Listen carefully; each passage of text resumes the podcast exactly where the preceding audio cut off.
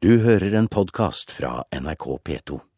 Norge er et land som hyller ytringsfriheten, men samtidig så blir meninger som avviker fra det store flertallet, massivt og kollektivt slaktet.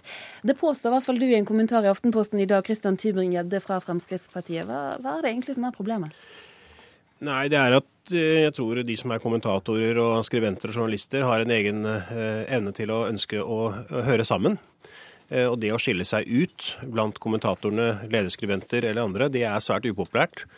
Eh, og det å ha en mening som er utenfor eh, den moralske rammen, det er noe man rett og slett ikke har. Og man bruker all sin tid til å kritisere og rakke ned på andre som har meninger som ikke passer inn i den moralske rammen de selv har satt. Hvordan har du selv kjent på dette? Ja, jeg har hatt mange meninger innenfor mange områder.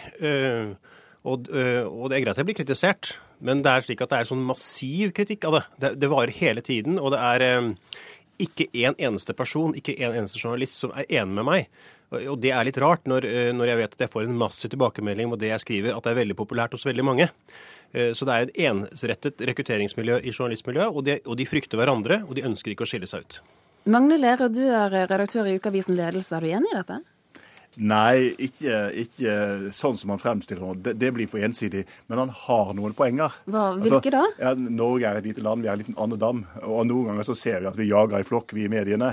Eh, og vi har jagd mye mot Frp, og vi har jagd mye mot, mot, eh, mot Tybring-Gjedde. Og Det, det er for så vidt greit å høre fra noen hvordan oppleves dette, at man så å si ikke kommer til orde, for det er så massivt. Det er greit. Er det mengden eh, tilbakemeldinger Kristian Tybring-Gjedde som er problemet, eller er det innholdet i dem? Nei, men Hadde du kunne hatt én en enslig svale blant journalistene som f.eks. var enig i uh, at, uh, at klimahysteriet har gått litt for langt, eller at, at innvandringspolitikken har spilt for litt, eller at man mener at innvandringen går for fort, eller altså disse tingene som et massivt flertall av det norske folk, ikke et massivt flertall, men ofte et flertall av det norske folk er enig med meg og andre i Fremskrittspartiet, så er det veldig rart at du ikke finner én en eneste journalist noe som helst slags sted som skriver en kommentar hvor de er enig, for de tør ikke å skille seg ut. Jo, Nei, nå, nå, er du, nå, er du, igjen for kategorisk. Nei, jo, men det er nå legger du sammen alle sakene sånn, hvor, hvor, Frp har avvikende synspunkter. Det er da jeg ikke syns det stemmer. Han har et poeng når det gjelder innvandringsdebatten etter 22.07.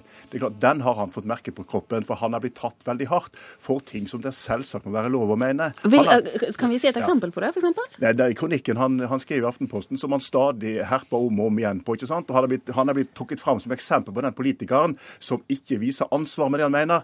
Det, sånn kan vi ikke ha det. Det han har uttalt, det er helt innenfor ytringsfrihetens grenser, og det må en politiker ha lov å mene. Men når han kommer til å trekke med handlingsregel og klimakrisen og stakkars Frp som, som, som mener det motsatte med alle andre, da går han for langt. Da blir han generell. Det stemmer ikke. Nei, men litt øyeblikk her. For det første, ta klimakrisen først. Eh, dere journalister og alle andre såkalt ansvarlige politikere mener at jorden jorden snart, snart går under pga. menneskeskapte klimaendringer og pga. CO2-utslipp. Det er den aksepterte. Der begynner diskusjonen å skje.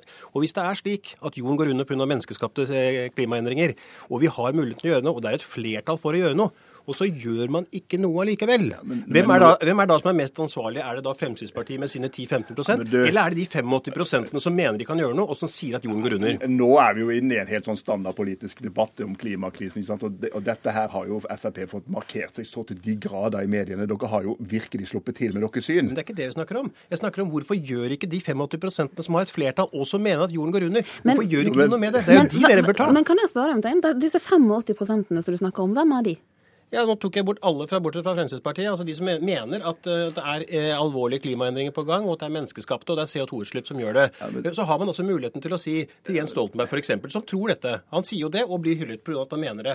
Men han gjør jo ingenting med det. Og da burde jo journalistene som er enige med Jens Stoltenberg Ja, men er, det, ja, men er det riktig? Dette er reinspikka politikk. Du kan også trekke også fram ikke, handlingsregelen. Så alle disse gode sakene som FRP, Frp har profilert på fordi dere har ment noe annet enn mainstream. Og, og Carl I. Hagen har vært en ekspert på å utnytte disse sakene, og også spilt offerrollen. Så liksom, skal, skal, vi diskutere det, eller skal vi diskutere et sterkt konformitetspress i det norske samfunnet? Ja, det er tendenser til det. Vi har hatt tendenser til det. Vi har gått over streken når man har for, forlangt ytringsansvar istedenfor Hvorfor er det over streken? For Fordi vi skal, Hvis vi skal ha en ytringsfrihet, da må vi også tåle at politikere faktisk krenker en del. Det, føl, det fører med ytringsfriheten, det. Sterke meninger må, må ha rom i samfunnsdebatten. Og vi kan ikke gå sånn at det hele tiden skal være noen som går og passer på når han går for langt i, i, i, i å mene ting om innvandring. Det, det blir ikke noe god debatt av det. Han får heller kritisere han på sak. Kristian Tybring-Gjedde, jeg har lyst til å spørre deg. for det at, uh, altså, du, du, du skriver i Aftenposten i dag at Norge er et land som hyller ytringsfriheten. Men det høres ut som du ikke mener at denne ytringsfriheten gjelder for alle. Har jeg forstått det riktig da?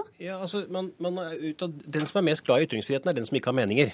Eh, og, og, og, den som er minst kontroversiell, er mest glad i ytringsfriheten eh, og snakker veldig mye om den. For det er ikke kontroversielt for den å ha den. Så det er behagelig å være enig alle sammen? Det er veldig behagelig å være enig, og de, de politikerne som er konsensussøkende og er i midten, de hyller med ytringsfriheten, for de har veldig sjelden en sterk mening. Og du kan si sånn, Hvem er det som blir kåret til årets navn i Norge, eller hvem er det som kommer hvis det er en politiker? Det er en politiker uten meninger, men som smiler veldig bredt. Det er alt, vil alltid være sånn, og det er veldig, synd at man ikke ser man hyller, Når man hyller ytringsfriheten, så må man også hylle meningene, og at de faktisk blir brukt. Mange lærere ser du et poeng i at det er noen som eh, har mindre ytringsfrihet enn andre? Ja, det, altså no, noen kan måtte få veldig mye motstand, og det koster veldig mye å bruke ytringsfriheten eh, eh, til, til, til sitt fulle. Sånn er det i alle samfunn. Men vi har f.eks. Fritt Ord, som har løftet f.eks. Ta Nina Karin Monsen, som har fått massiv med kritikk, langt hardere enn mange Frp-politikere. Hun fikk Fritt Ord-prisen. Så det er klart det er krefter i samfunnet som jobber for at det skal være mulig å hevde sterke meninger som provoserer noe grenseløst. Sånn skal vi ha det i samfunnet. Så vi kan ikke noe annet enn å oppfordre til det. Men Kristian Tybring-Gjevde, jeg har lyst til å utfordre deg her på slutten, for tiden løper fra oss. Men eh, la oss si da at eh, det er vanskelig å være den ene eller de få som mener noe annet enn flertallet. Hva skal gjøres for at det skal bli lettere, tror du? Jeg tror det må et bedre rekrutteringsgrunnlag for journalister. og Det kan ikke være slik at det ikke finnes én journalist som er kritisk til handlingsregelen, eller én journalist som ikke mener at, eh, at jorden går under hvert øyeblikk. Det må være noen journalister som faktisk mener det som et stort antall av Norges befolkning mener. og Det er, veldig, det er et snevert rekrutteringsmiljø, og de snakker med hverandre istedenfor å snakke til folk. Hva tenker du, Magne Lerøe? Journalister og kommentatorer, vi er da ikke, vi er da ikke redd for å være uenige med hverandre. Jo, det er veldig magert. Det er veldig, men- veldig smale men du- uenigheter. Du har, du har et poeng ved at det ofte er for mye at vi går i flokk. Ja. Men det er faktisk avvikende synspunkter. Det norske samfunnet preges ikke det av at ikke spekteret av synspunkter kommer fram. Det gjør kommer ikke det, altså. men ikke blant journalister. Ja, vi får sette strek der. Takk for at dere kom til Kulturnytt, Kristian Tybring-Gjedde og Magne Lerøe. Du har hørt en podkast fra NRK P2.